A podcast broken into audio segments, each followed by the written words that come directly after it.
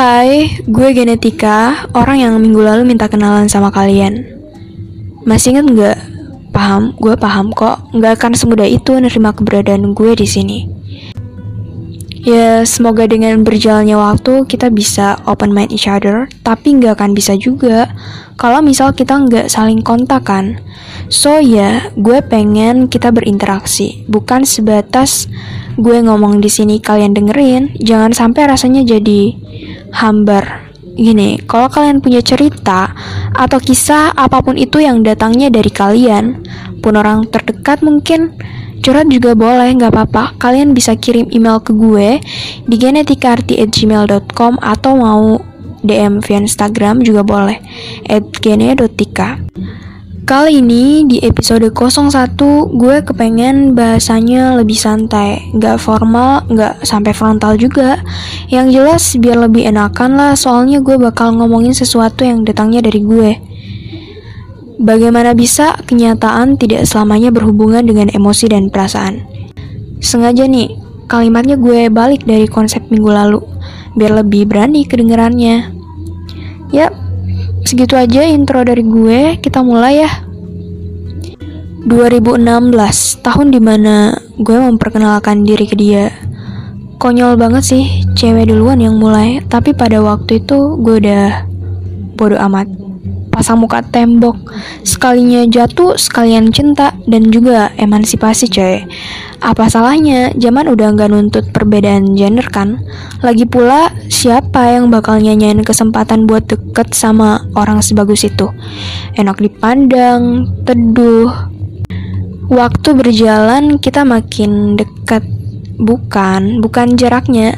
Jarak nggak berubah masih tetap sama jauh maksud gue gini dia suka sama gue gue suka sama dia ya gitu deh pokoknya.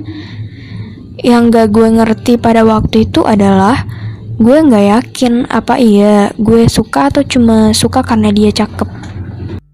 Bukannya hubungan itu dijalanin karena kesiapan ya tapi kok gue nggak siap-siap gue nggak siap nerima kenyataan kalau selama ini dia cuma ngajak gue berimajinasi.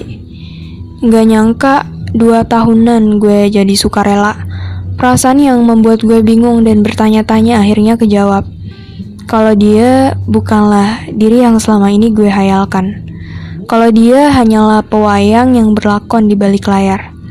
Kalau dia bukan kenyataan yang memungkinkan buat gue. Bukan juga sesuatu yang pantas dan gue siap. Cukup kenal dan tidak ada lagi kenalan berikutnya. Menjahili diri sendiri gue nggak habis mikir sedongo itu gue ngatur karakter sesuai yang gue inginkan dia juga inginkan.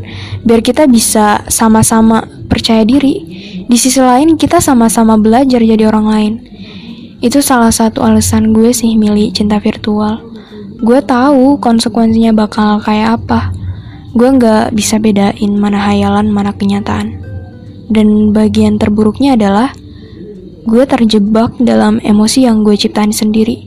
Seperti insepsi, gak ada yang nyata, hanya segelantung mimpi tanpa rencana, tanpa kepastian kapan terwujudnya. Sempet gue sakit hati, tapi gini, buat apa? Orang gue cuma ngayal, dipikir-pikir lagi, paling sakit hati ini imajinasi, ya enggak? Tapi kok rasanya sakit banget, tapi kok kayak nyata banget tiap malam gue kayak abis minum americano tiga gelas. Sesak gak bisa tidur. Gue udah buang diri.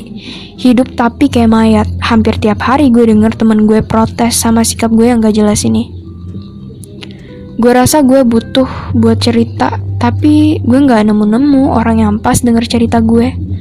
Hal itu membuat gue memaksakan diri jadi penghayal kembali.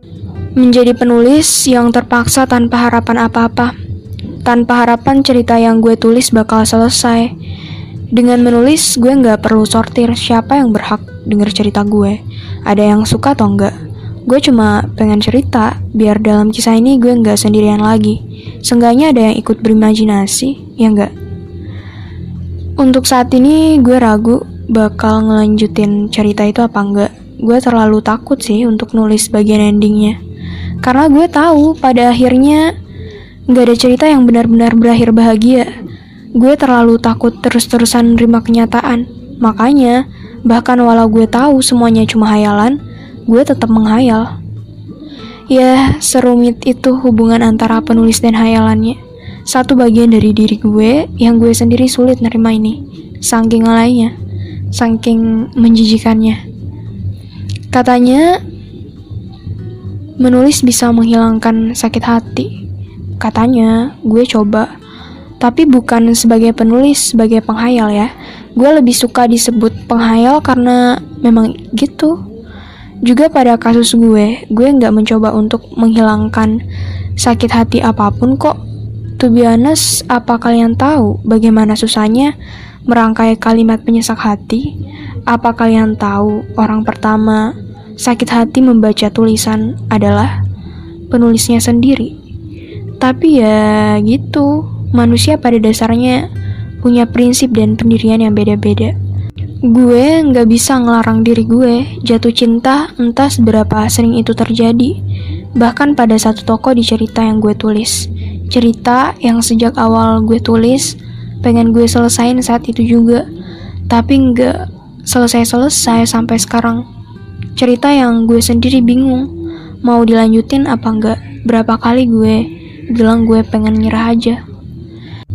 Ketika gue sibuk dengan pilihan mau lanjut apa stop aja, karena semua cuma hal yang sia-sia, ada satu fakta yang entah gue bahagia atau justru sedih karenanya.